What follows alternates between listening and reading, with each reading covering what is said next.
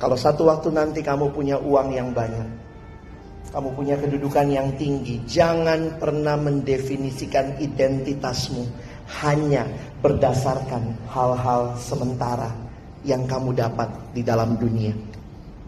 Ketika itu hilang, ketika itu lenyap, engkau tetap punya identitas yang paling jelas.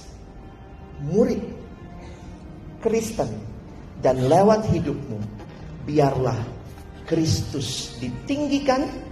Orang lain waktu melihat ini orang yang benar-benar hidup bukan bagi dirinya sendiri, ada otoritas di atas dia. Dan kiranya ini saudara bawa pulang.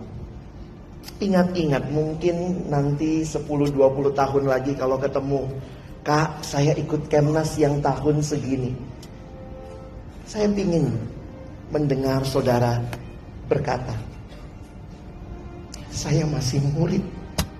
Saya masih Kristen. Meskipun saya punya kedudukan yang tinggi. Saya punya uang yang banyak. Tapi your basic identity. Kamu tetap murid. Yang terus bertumbuh. Terus makin kenal dia. Terus hidup memuridkan. Di mana saja engkau Tuhan tempatkan. Jangan berhenti jadi murid karena posisi. Jangan berhenti hidup jadi murid karena semua hal yang kamu miliki.